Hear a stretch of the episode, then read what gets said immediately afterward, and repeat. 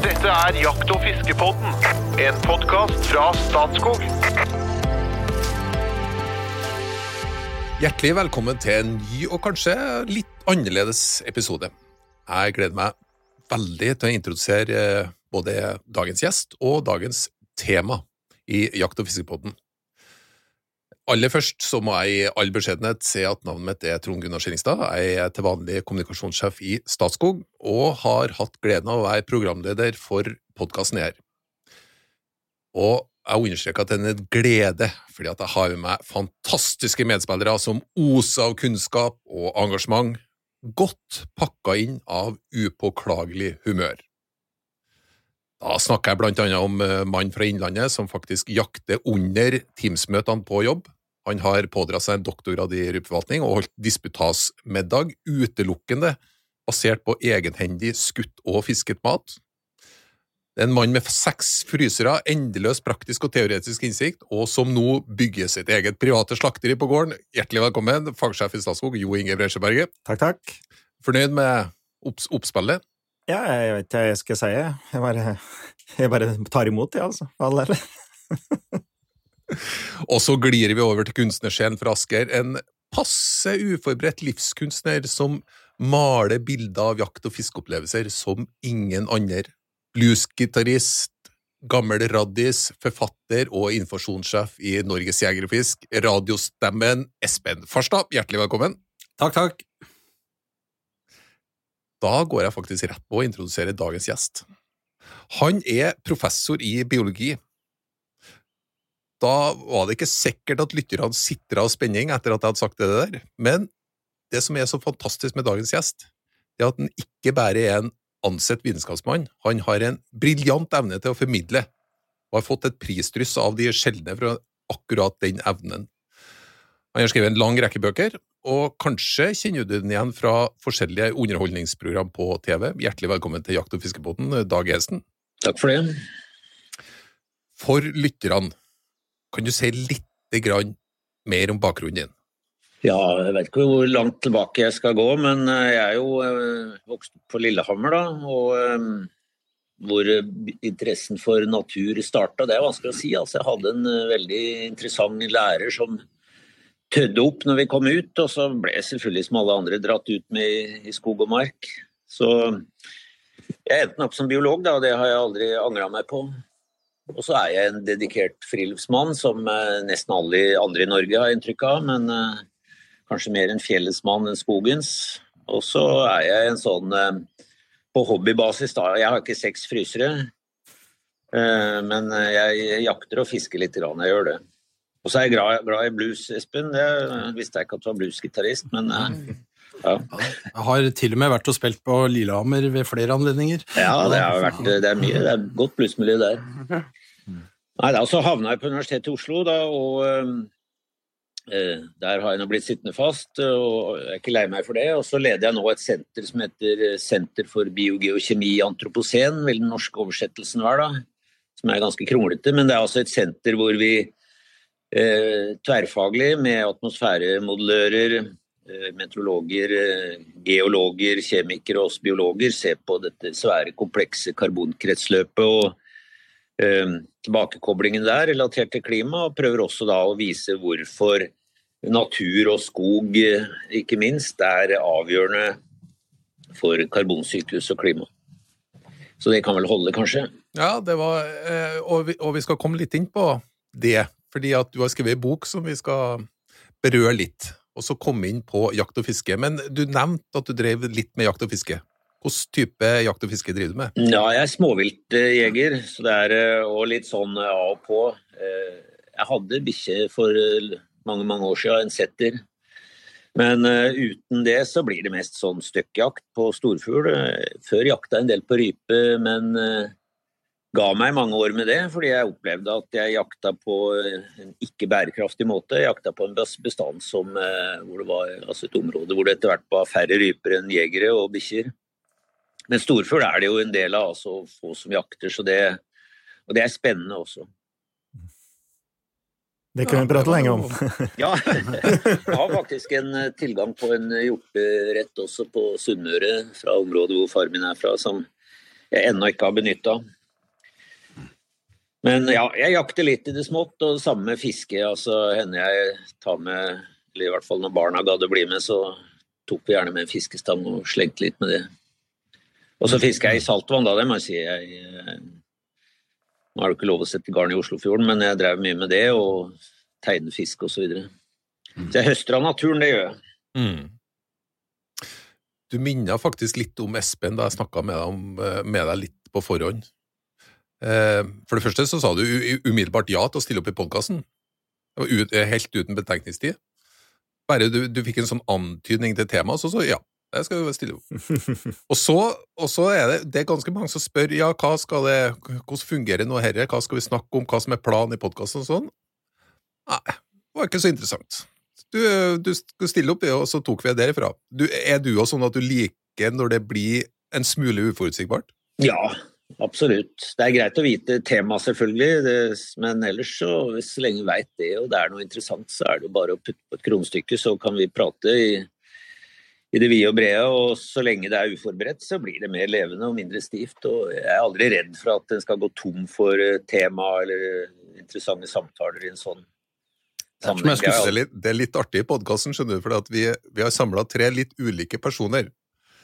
Og, og, vi har en annen person som gjerne egentlig vil sette seg litt grundig inn i ting, som heter, som heter Jo Inge. Ja ja, for all del. Eh, men ok, da skal jeg putte på det kronestykket. I de siste bok så er du inn på to hovedretninger. Eh, det ene er teknooptimisme, som har løst all verdens problemer fram til nå, kanskje. Eh, samtidig som vi sitter igjen med ganske store utfordringer knytta til klima og artsmangfold. Og det du kaller økopessimistene frykter det verste. Så boka heter Verden på vippepunktet. Og etter så stiller du et spørsmål hvor ille kan det bli? Så jeg tør å, jeg tør å stille deg spørsmålet hvor ille kan det bli? Ja, det kan, kan jo bli riktig ille, men eh, det er jo ikke en sånn uh, undergangsbok, dette, selv om uh, vippepunktet høres ut som vi er på kanten av stupet, som er en dårlig metafor, da, for planeten er ganske robust, så den vil ikke gå under. Så det er ikke det vippepunkt for så vidt uh, henspeiler på, det er mer at vi kan få brå endringer i økosystemer, og for så vidt også Vi bør få noen brå endringer i kultur og, og samfunn. Men worst case-scenarioet her, hvis vi snakker om klima, det er jo at eh, vi går opp mot en eh, fire-fem graders global gjennomsnittlig oppvarming. Og det er et sted verden ikke har opplevd i menneskehetens historie. Ja, Sjøl en tograders oppvarming vil jo være hinsides det vi har opplevd i moderne tid, i hvert fall. Så det kan bli ille, og ingen kan si akkurat hvor ille, men eh, jeg mener jo at planeten vil overleve sjøl om mange arter vil forsvinne, og menneskeheten vil nok eh, klore seg fast. Det er jeg ganske sikker på. Det, det er jo oppi det hele en optimistisk uh, konklusjon. Mm. Men uh, utover det så er det klart at dette er jo alvorlige saker. Det er ikke til å komme bort fra det. Og så er det jo et viktig poeng for meg dette at uh, det dreier seg ikke bare, og da bare i anførselstegn, om klima og CO2, men dette med naturtap. Mm. Og disse tingene har en, en logisk sammenheng også. Ja, For de blir jo ofte satt opp mot hverandre, da, disse to. Ja, ja gjør det. Og vi ser jo at en del eh, grønne løsninger er grønne bare med et sett med briller på. Altså, jeg bør ikke si noe mer enn vindmøller som stikkord, så ser vi at dette berører både naturinngrep og naturopplevelser for folk. Eh, samtidig som det jo leverer grønn energi, helt åpenbart. CO2-fri energi. Mm. Så er, samfunnet er fullt av sånne ekte dilemmaer som dette. og Det er derfor jeg også mener at eh, eh, en sånn litt naiv teknooptimisme i den forstand at vi kan bare slappe av og fortsette som før. All økonomisk vekst kan fortsette fordi det grønne skiftet, som man gjerne kaller det, skal på magisk vis ordne opp. Sånn er det ikke. Altså, jeg, det er helt klart at teknologien er en del av løsningen, men vi må også leve annerledes. Mm. Og der, det er en veldig sånn fin innledning til det jeg tenkte vi skulle spisse oss inn litt på i dag. Eh, jo Inge var, ble intervjua av Dagens Næringsliv. Eh, og, og for, å ta, for, ta, bakteppet, da. Eh, som du er inne på, en av de største utfordringene i verden er tap av habitat og at arter forsvinner. Og Ifølge FN så er en av de viktigste årsakene jakt. Eh, eh, introduksjonen på den eh, Dagens Næringsliv-artikkelen som Jo Inge var med i, den var sånn Trenger vi kjøttet? Nei. Er arten avhengig av, av at vi jakter på den? Nei. Så hvorfor måtte orrhanen dø?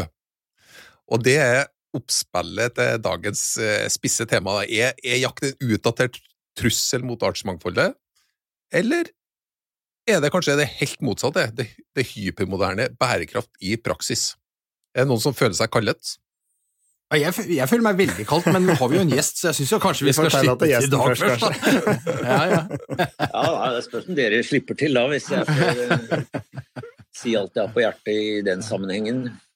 Eh, det er klart, Høsting er jo, for å starte den enden, høsting er jo det vi må ha mer av. Og jeg mener vi også bør høste mer eh, i havet. Landjorda er jo på mange måter brukt opp.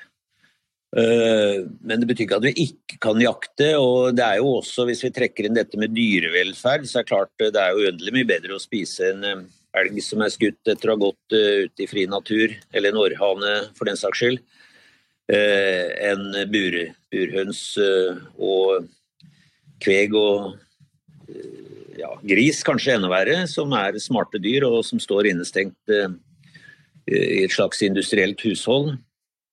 Så Sånn sett er jakt eh, moralsk eh, å foretrekke, men det er klart eh, problemet med jakt er at det, det er ikke nok av det. Altså Hvis Norges befolkning skulle brødføst på jakt, så tror jeg det ville gå fort utforbakke. Og så er det jo mange sider ved jakt. Altså Som sagt, jeg jakter jo sjøl, jeg ser ikke noe problem med å jakte bærekraftig på en bestand. Jeg syns heller ikke vi skal vurdere, undervurdere det derre eh, Ja, jeg kan godt kalle det urinstinkt, men eh, ikke urinstinkt, som noen tror det er, men urinstinkt. At eh, dette, denne gleden ved å, å høste. Men jeg tror vi skal være veldig bevisst på at det vi høster er bærekraftig. Som sagt, jeg ga meg med rypejakt i de områdene jeg pleide å jakte, fordi jeg opplevde at bestanden var skutt ut. Um, og så er det jo dette med ja, lidelsen hos dyret som jakter. Eh, Det er jo eh, selvfølgelig et potensielt problem, men jeg tror også den er mindre enn stresset som et dyr føler når det skal slaktes. Så Sånn sett er det jakt eh, moralsk å foretrekke framfor, eh, framfor eh, eh, husdyr, uten at jeg tror det kan erstatte det. Og så er det jo en ting til, altså, det er jo at eh, jakt eh, der hvor det ofte truer bestandene, er jo fordi det er drevet av fattigdom. Altså det er folk som er tvunget til å jakte for å overleve, eller de eh, jakter for å få dyr til kinesisk medisin, altså neshornpulver og, hva det måtte være, eller pangolinskjell og den type ting. Så det er mange aspekter ved dette, men i utgangspunktet tenkte jeg at det å jakte bærekraftig hadde vært eh, en optimal ting, hvis vi, men da måtte vi vært færre mennesker. Men utover det så er det klart at eh, vi bør redusere kjøttinntaket vårt. Det tror jeg er, er en, en generell god regel. Kan jeg få hive meg litt fram på det? Jeg har noen tanker rundt dette her som jeg gjerne drøfter med Dag Hesten. Det er interessant. Altså, vi, den kanskje viktigste utfordringen vi står overfor i verden, på en måte, det er klimautfordringene. Det tror jeg vi kan være enige om. Men så kommer den andre store, som du var inne på, dette med, med tap av natur? Eller, eller tap av biologisk mangfold, eller hvordan du velger å formulere dette. Og Her har jo FN med naturpanelet sitt pekt på dette, og sier at de to viktigste årsakene til dette er, er Det er jo flere årsaker, da, men, men, men det er jo liksom tap av arealer, det er arealbruk og tap av natur, og så er, det, er jo jakt nevnt. Så føler jo jeg eh, som sitter og jobber med dette til daglig i Jeger- og Fiskerforbundet, og, og, og tilnærmer meg dette fra vårt, vårt ståsted, at dette er en sjablongmessig tilnærming til en problematikk som ikke kan brukes i Norge. Det er mulig det er sånn globalt sett, men i Norge så har vi altså et lovverk som regulerer eh, jakt og fiske, slik at vi skal ivareta artene, at vi skal høste av et overskudd, og at vi på en måte ikke skal tro Vi har jo speilvendingsprinsippet i viltloven og, og lakse- og innlandsfiskloven som sier at alt er freda, og så åpner vi opp for å høste av de artene som produserer et overskudd. Eh, og så er jo det selvfølgelig en balansegang å skulle gjøre. altså Rypeforvaltninga vår er jo et glitrende eksempel på det, hvor man, eh, det krever mye kunnskap. Eh, det er jo ikke arten arten vi forvalter når vi forvalter rypa, vi forvalter jo bestander.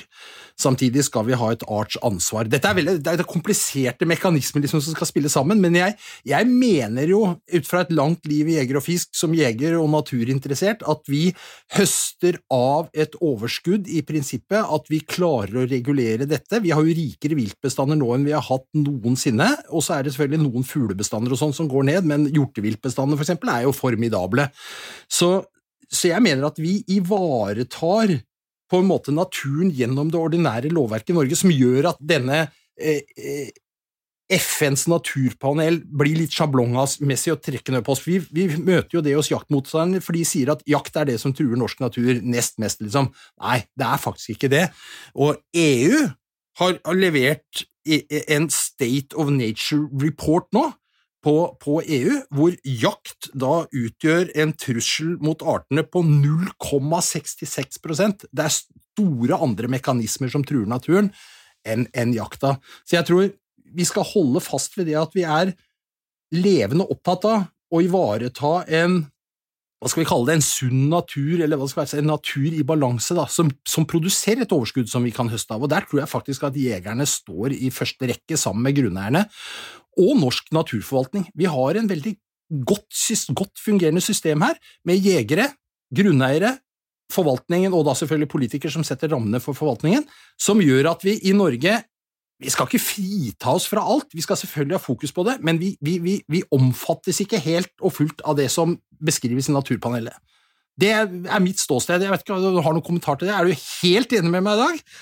Ikke helt, men det er klart når det gjelder hjortevilt, det har jo sammenheng med, også med at vi har jakta ut mye av de store rovdyra, ikke sant. Så vi har en svær bestand av hjortevilt som eh, nå er eh, sånn at vi, eh, vi må faktisk forvalte den så det ikke blir overbeite. Så det er klart hjortevilt er en er eh, definitivt en ressurs som kan og bør og må jaktes. Jeg tror det er vanskelig å finne mot argumenter mot det. Og Det området hvor egentlig ikke jakt, da, men uttak av arter er det største problemet. Det er jo marint, hvor overfiske er et kjempeproblem.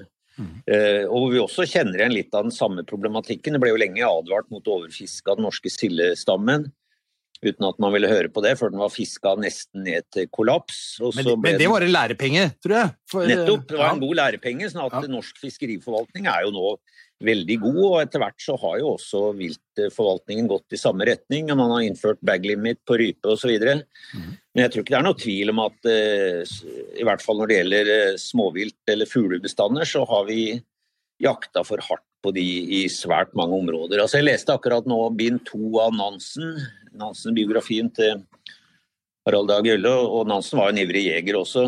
Eh, når du leser de dagfangstene, han liksom beskriver hvordan han gikk inn i eh, området og kom tilbake på ettermiddagen med 40 ryper? Det, i Sør-Norge, det gjør du ikke i dag. Jeg husker også et, kort, et bilde, et foto jeg fikk av eh, min bestefar som jakta i, i, samme område som jeg jakta. Da hadde de vært ute en helg, og de sto to karer med en stige mellom seg. Over der hang det tett i tett med mm. ryper, hare, storfugl. I dag kan du gå eh, en hel helg og er heldig hvis du skremmer opp en rype eller to. Sånn at vi har, at vi har jakta for hardt i en del områder, det tror jeg er helt åpenbart. Men akkurat som med fiskeriforvaltningen, så har det eh, skjedd en erkjennelse der at man må innføre jaktbegrensning og til og med fredninger i perioder. Så selvfølgelig, problemet er jo at vær og vind og forhold under klekking osv. Og, hekking sterkt påvirker viltbestanden. Så er jo, det er vanskelig å si akkurat hva som er baseline-bestand eller bærekraftig bestand. Men en aktiv forvaltning må til. Og jeg er enig i at det er ikke lovverket som er for dårlig, vi har et veldig godt lovverk i Norge. Så det er jo anvendelsen av det. Det gjelder jo også naturmangfoldloven. ikke sant? Den er i seg sjøl burde være god nok sammen med viltloven, men eh, det, det henger sammen med hvordan den uh, anvendes. Så, um, men altså, ja, hjortevilt, helt klart. Altså, det både kan og bør og, og må jaktes der. og jeg, jeg har ikke noe problem med det overhodet. Jeg skal sende utfordringa snart over til deg nå, Jo Inge, med Dagens Næringslivsspørsmål. Men eh, jeg får ta det jeg, jeg har sånn innledningsvis fokusert litt på jakt, fordi eh, jeg har inntrykk av at det ikke ikke sportsfiskeren som er den store utfordringa på eh, utnyttelsen av ressursene i havet, men det er jo åpen ja, for korreksjon. Ja, det, der skal du få en korreksjon, og den korreksjon, jeg, jeg, tror for så vidt du har rett. Tror, det, er ikke vi som er ut, det, er ikke vi som er årsaken, men vi har jo altså Torsken sliter i sør, for eksempel, ikke sant? og nå har vi jo freda torsken mot alt fiske, fra Hvaler til, til Portør, hele året. ikke sant? Det er ikke lov å fiske, du får ikke sette garn fordi du kan risikere å få torsk. Du har ikke lov, Hvis du får en torsk på, på sluken din, så skal du sette den ut igjen. Eh, og store områder er også freda under torskens gyteperiode. Det er vi med på som sportsfiske, selvfølgelig. Når det står dårlig til med torsken, så skal vi bidra med vårt. Men jeg tror ikke skylda ligger hos fritidsfiskerne, eller sportsfiskerne, da, for dette. I hvert fall ikke alene. Det kan nok eh, selvfølgelig være en del av det, men her, altså, vi er også inne i, i, i faktisk et av verdens mest eh, trålte områder. Vi har altså verdensrekord på tråling inne i, i dette bassenget. Ikke sant? Så det er klart, Her er det mange ting som spiller inn, klima og alt mulig rart. Men, men fiske Det er klart at det er eh, ca. to millioner mennesker som sogner til Oslofjorden som friluftsområde. Det er veldig mange som står her og fisker. Det er klart Summen av det betyr jo noe særlig når bestandene av en art er svak. Da. Selvfølgelig så blir jo den eh, vekta mer. Ja, du får en sånn dråpen i begeret-effekt. Eh, jeg er enig i at utgangspunktet er nok mye at miljøforholdene i fjorden har Eh, endra seg og eh, blitt dårligere sikt osv. Tang og tare har blitt eh, mye mindre og så selvfølgelig tråling. Det husker jeg fra fjorden der jeg ofte var om sommeren, der min far kom fra, utafor Ålesund. Der fiska vi alltid masse før, og så kom, begynte trålerne å gå inn i fjordene. De fikk lov til det en periode og sveipa av reint. Mens når det gjelder fiske i ferskvann, så er jo egentlig problemstillingen at vi burde fiske mer. Der er det jo ofte tusenbrødresamfunn og småvokste bestander, og vi fiska mye hardere før. Så der er det jo en stor ressurs vi burde høste mer av, faktisk. Mm. Men du Jo Inge, ja. hvorfor, må, hvorfor, måtte orrhannen dø? Ja, hvorfor måtte den det? Eh, og det, det som Dag påpeker her, at eh, eh, jeg, jeg, Vi kan snu på det. Alternativet hører mye verre. Jeg hadde en kamerat som eh, en gang sa at alle ville dyr fortjener å bli skutt. Sånn. Og det er å sette det litt på spissen, da. Jeg skjønner jo det. Men eh, som Dag sier, alternativet hadde vært verre. Altså eh, Det kunne være om det er sult, eller om en flyr på en høyspentledning, eller eh, Altså, de fleste andre, andre årsaker der eh, ville være kanskje verre enn eh, å bli skutt, da. Ikke sant? Og eh, Dag var jo inne på det urinstinktet, for jeg ble spurt om hvorfor jeg jakter. Og jeg har fortsatt ikke klart å gi noe spesielt godt svar på hvorfor jeg jakter. Jeg syns det er et veldig vanskelig spørsmål. Hvorfor gjør du det? Og eh, jeg tror vi har liksom forskjellige avskygninger til jegere. Noen, for noen så er det helt naturlig, mens for andre så må de lure på hvorfor de jakter. Da. Altså at du har de som Du kan skille på de som går på jakt, og de som er jegere. hvis du skjønner. Altså De som går på jakt, kanskje kunne gjort andre ting. Han kunne spille golf eller seile eller eh, gått på tur i marka eller hva det måtte være. da. At det er et eh, urinstinkt. Vi har jo tross alt drevet på med dette hele livet. Jeg kan ikke, eh, Når jeg går mine aner tilbake, så har alle vært jegere og sankere og fiskere. Så det er liksom, det er helt ubrøt i rekke der, da. Og vi har, og som Espen ser, vi har jo vi har en viltforvaltning som er faktisk ganske god her i, både i Skandinavia og i Norge, ikke minst, eh, sammenlignet med mange andre land. Da. Men vi har jo ganske store utfordringer, som Dag peker på. Altså, vi har tatt opp det med rype. Der er det jo Det kan vi diskutere ganske lenge.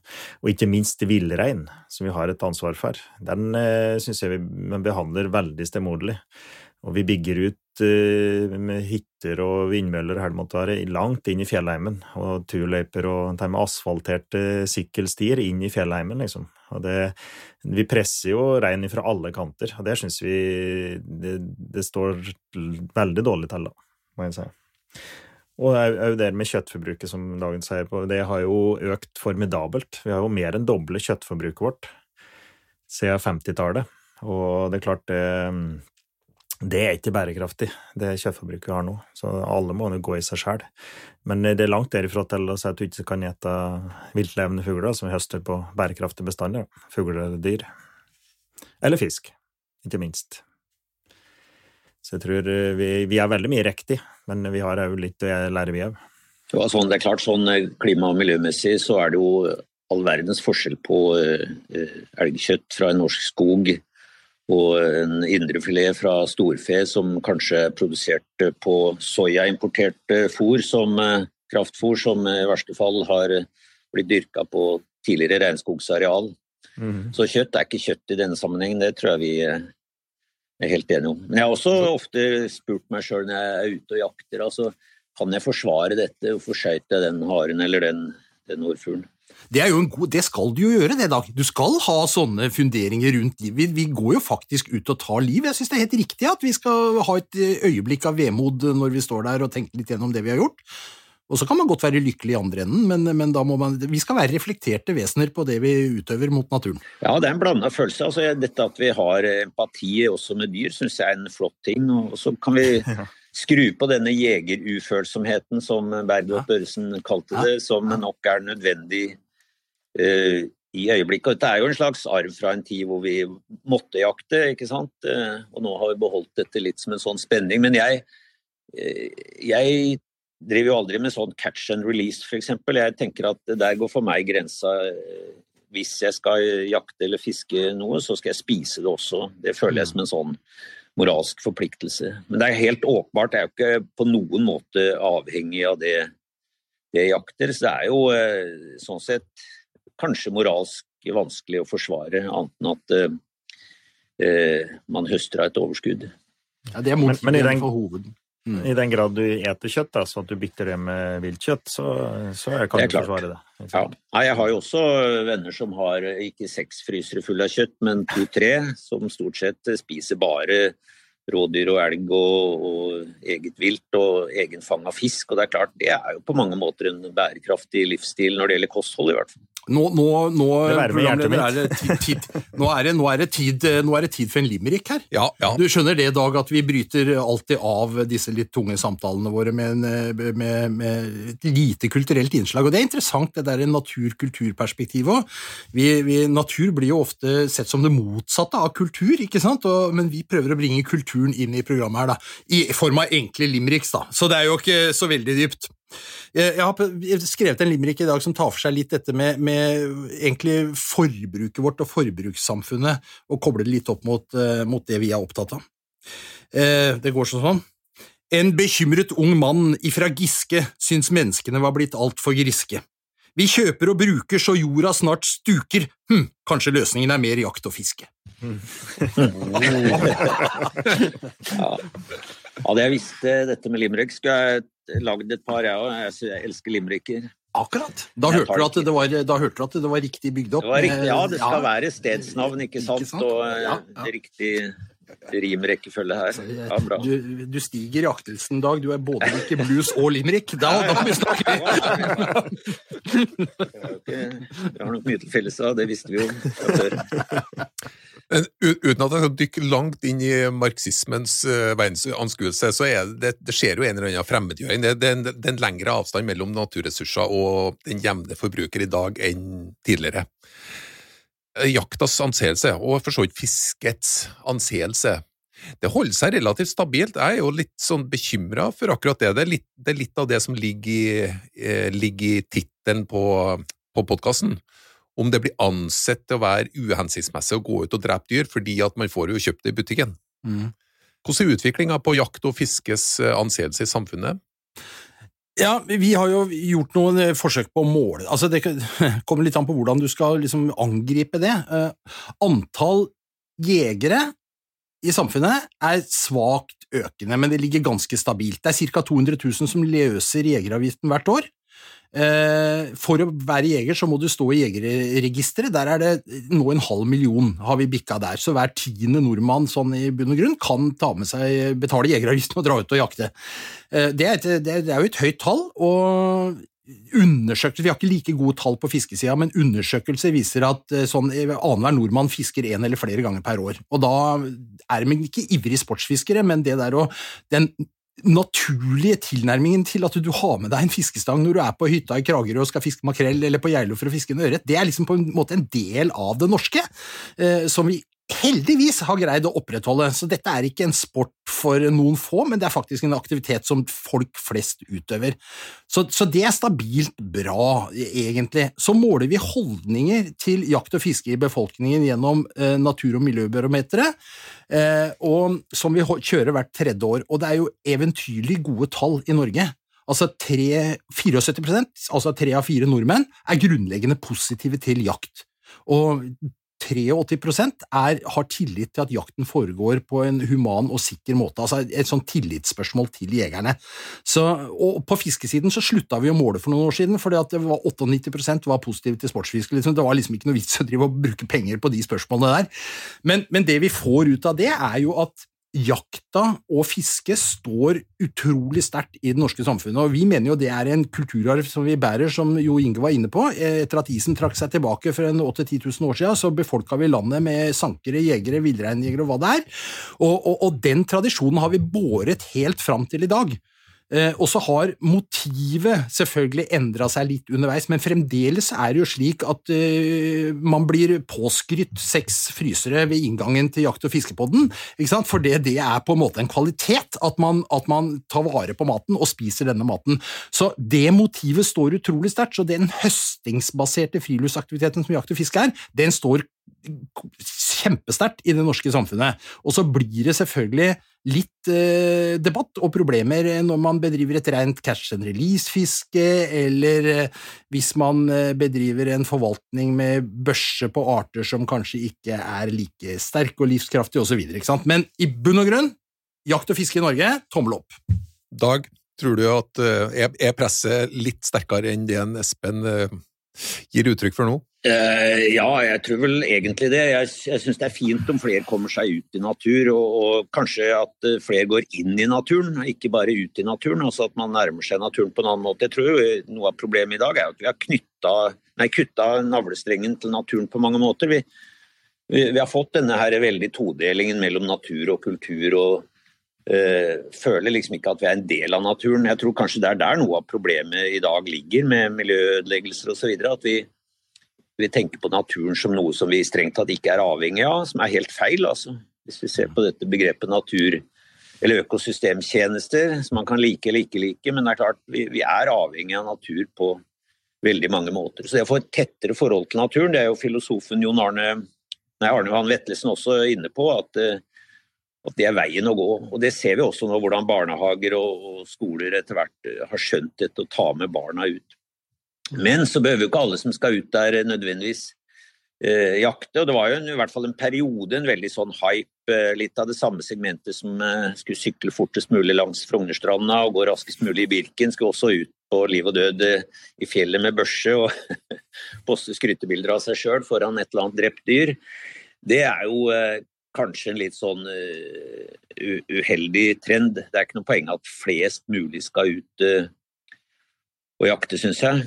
Men, eh, men denne tradisjonelle jaktinga, altså som bedrives på bygdene hvor det ikke er snakk om en statusting, men et kulturelt foretak som elgjakta f.eks. er, eh, eller en sånn sindig jeger- og høstekultur hvor man går ut med harebikkje eller fuglehund og høster av det som er i, i nærområdet det er jo på mange måter en sympatisk kultur hvor man også intuitivt da skjønner at eh, man er del av et større kretsløp, og at, eh, at man i bunn og grunn eh, om vi ikke er avhengig av det, så akkurat den jakta, så tror jeg det fører til en sånn erkjennelse at vi, vi henger sammen med natur, og vi er avhengig av naturen i det store og hele.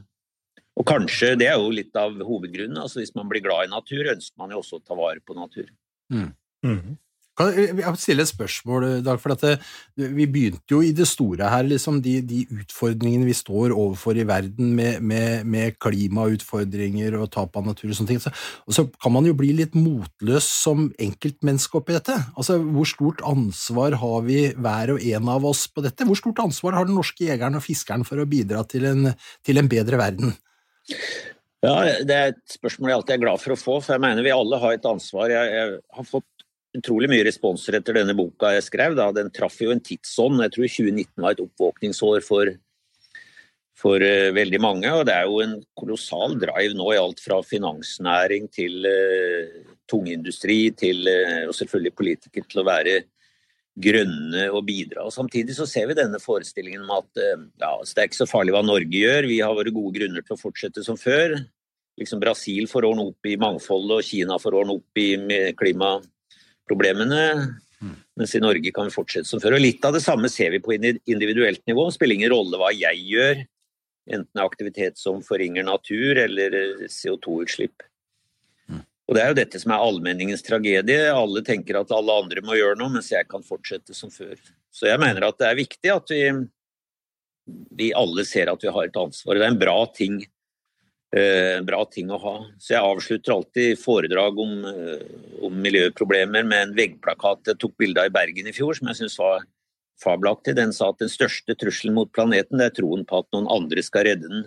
Mm. Så jeg mener at vi eh, selvfølgelig Det må starte med, med noen politiske visjoner og pisker og gulrøtter, men at vi alle er del av dette, det er viktig. Og det gir jo en utrolig god følelse å, å ha et bidrag. Ja, jeg mener det. Altså, Mm, mange tenker ja. at det er en fæl ting å ha et ansvar, men det er mye verre å ikke ha et ansvar og tenke at det spiller ingen rolle hva jeg gjør. Altså, jeg syns det er fint å vite at det tross alt betyr noe hva, hva hver og en av oss gjør. Samtidig er eh, klimaskepsisen er ganske høy i Norge, har jeg lest. Ja. At, eh, vi som folkeferd er, eh, selv vi er opplyst, så er vi generelt ganske skeptiske til Ja, det er et underlig paradoks det der. Hvis den der. YouGov-undersøkelsen stemmer, så er vi jo blant de mest klimaskeptiske sammen med saudiarabere og, og amerikanere. Og det er jo dårlig selskap å være i i denne sammenheng. Det er en fellesnevner på der, det. Det er nesten så vi ikke tror på det. Ellers er det Det ærlig. nei, nei, nei, det er jo en fellesnevner her når dere nevner det. Saudi-Arabia, USA og Norge. Hva er det vi har felles? Jo, vi er oljeproduserende land. Vi er rimelig oljemarinert. Det er vanskelig, det er vondt å ta inn over seg det, den virkeligheten. Ja, jeg tror det er en del av forklaringen, men det er nok ikke hele. For også i Sverige og Danmark var det en overraskende klimaskepsis. Jeg tror det har med måten spørsmålet er stilt på, for jeg tror ikke det er så Mm. ille her. Men så har det nok også med en sånn følelse at her i nord er vi usårlige. Det vi flyter som en kork på opprørt verdenshav, og vi klarer oss alltid. Og Norge har jo, trekker jo liksom alltid et vinnerlodd. Um, så jeg tror den der følelsen av at uh, ingenting kan egentlig ramme oss, uh, den har vært der framtredende fram til koronaen kom. da. Nå ser vi plutselig at uh, oi, vi er ikke helt usårlige likevel. Hvis du slutta med jakt og fiske i Norge, hva hadde skjedd da? Ja, altså det er jo klassisk eh, økologi. Da ville i hvert fall hjorteviltet drevet overbeite. Og vi har jo sett det, hvordan det går når eh, det blir for tette bestander av elg, hvor det blir eh, magre dyr som eh, skranter. Så da, ville, da er de over bæreevnen, og så vil det gått seg til etter hvert. Du får da en utjevning av bestanden, en eh, nedgradering av bestanden, som gjør at den på en måte er i, takt med bæreevnen. Så det er jo det samme som vi kanskje kan frykte vil skje med menneskeheten, at nå er vi langt over vår bæreevne, og så kommer det en krise, men vi skal la den, den biten ligge. Eh, Men det ville jevna seg ut, så jeg tror denne tanken om at all natur er avhengig av at vi forvalter den, det er en litt sånn eh, tankegang som vi har tilbake fra en sånn eh, gammel kristen tradisjon med at eh, vi er satt til å herske over og forvalte naturen, og at den ikke klarer seg helt på egen hånd. Det er klart en ting vi ikke har vært inne på her, det er ja, hva ville skjedd hvis vi ikke hadde jakta ned rovviltet? Da ville jo mye av eh, overskuddet av eh, høstbart vilt eh,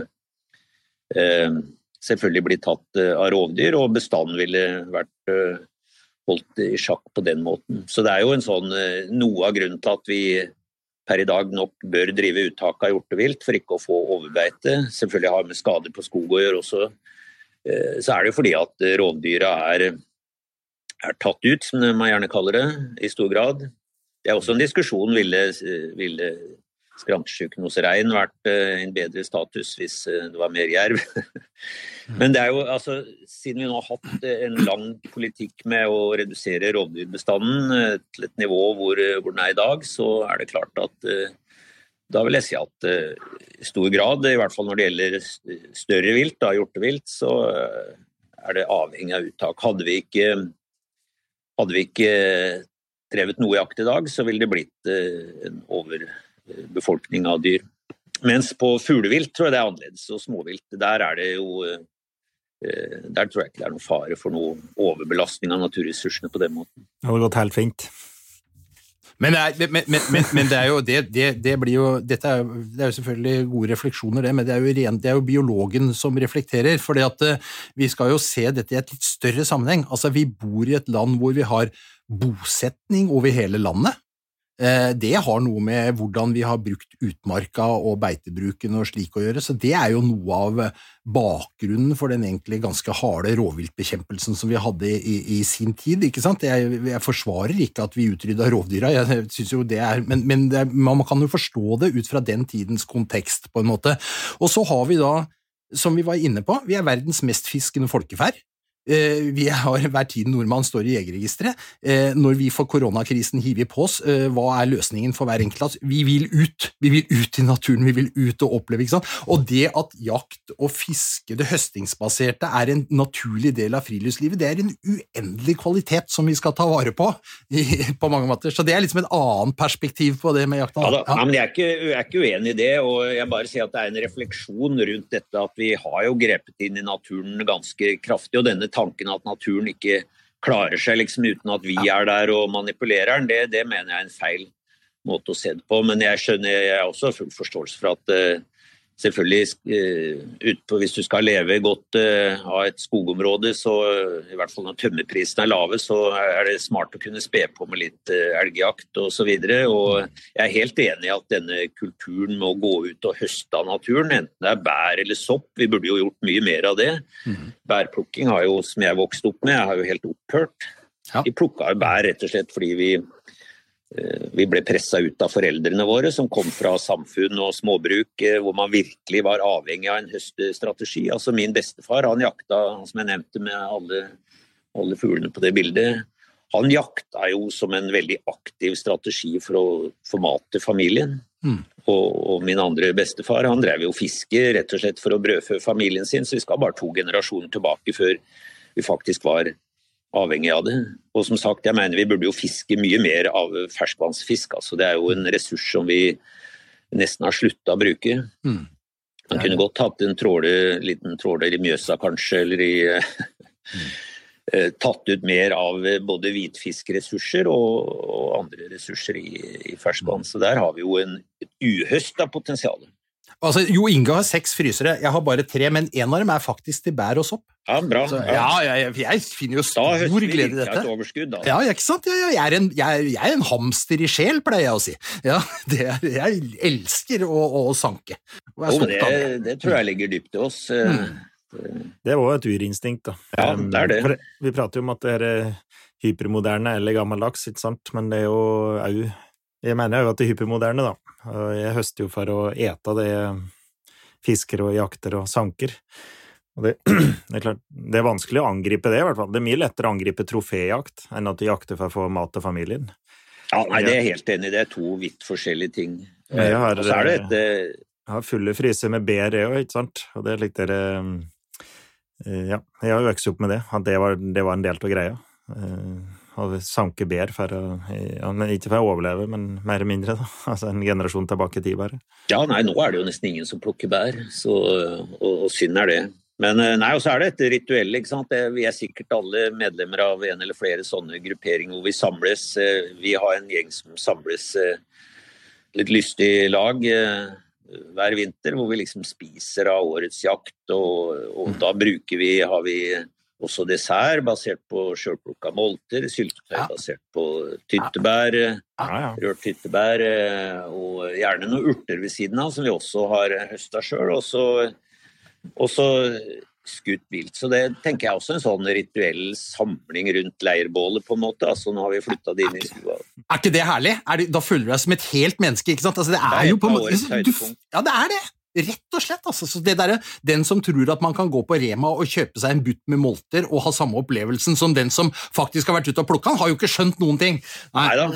Det er dette med å nyte etter at du har eh, slitt litt for føa. Det er en eh, ja, det er, en sånn, eh, det er mulig en sånn gammel spartansk innstilling vi har, men den har noe verdifullt ved seg. Altså. Ja, og, og føler jeg at vi har kommet på den perfekte landingsplass.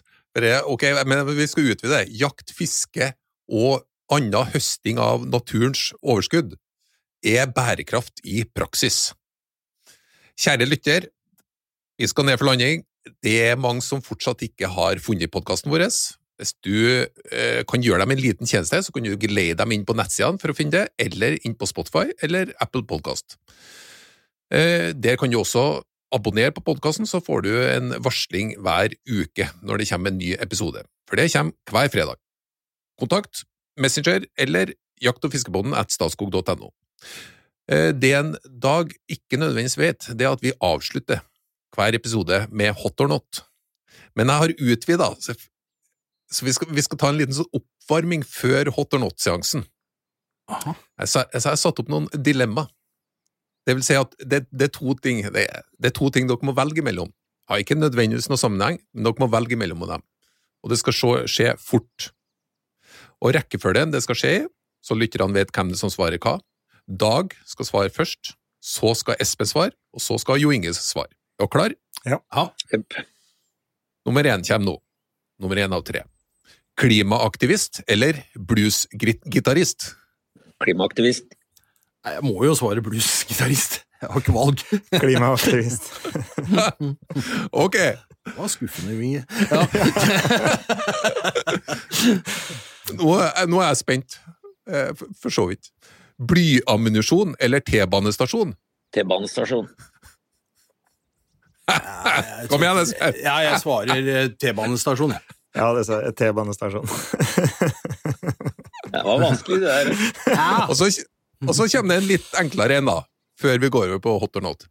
Trønderrock eller TikTok? Ja, Trønderrock. Nei, det blir, det blir TikTok, altså. Trønderrock. Ja! Herregud, for en gjeng med gamlinger. Ja. Altså, ikke bluesgitarist, og så velger du trønderrock. Jo dette, jeg må ta hele konseptet her opp til vurdering. Ja. Det kommer nok en, en, en eh, hard limerick neste gang. Men før vi går helt ut, hot or not. Vi kjører samme rekkefølge på svarene. Dieselbil, hot or not? Not. Not. Not. Hva sa du, Jo Inge Bresjeberget? Not, sa jeg. Ok, vi går videre. Elbil, hot or not? Hot. Hot. Ja, hot. Å, du er så politisk korrekt nå, Jo Inge. Ja, jeg vet det. Jeg vet det. ok, sørhare, hot or not? Eh, hot, faktisk. Ja, hot. Ikke i Norge, da, men ellers så syns jeg den er hot, ja. Det er ikke lov, Jo Inge. Nei. Ja, men det kunne vi hatt en lang diskusjon på, altså, men Ja. eh, det er et Ja. artig tema i seg sjøl. Arter som kommer vandrende inn. Mm. Og siden vi har deg her, Dag, så skal vi ta noen perler på en snor her nå. Vindkraft, hot or not? Not. Not. Not. Det har tre not. Vannkraft, hot or not? Uh, hot. Not. Uh, hot. Ok. Atomkraft, hot or not? Not. Not. Ja, not. Villsvin i Norge, hot or not? Not. Det er jo hottentott, altså. Det er umulig å svare på. Verre enn en sørharen. Ja. Ja, ja er verre enn sørhare. Men det, jeg syns villsvin er hot, men jeg må si not på den. Eh, ja, var Var det sånn at vi ikke fikk svar her nå? Jeg sa not. Mm. Ok. Nei, men da den vi, Hver gang, Dag, så har vi at vi lander så, i en felles rungende hot hver gang. Så den siste er da DDE-låta fra år 2000, 'Hater deg som pesten', hot or not? Not. Not. Det var hot fra alle sammen. Hjertelig takk for følget, og velkommen tilbake neste fredag.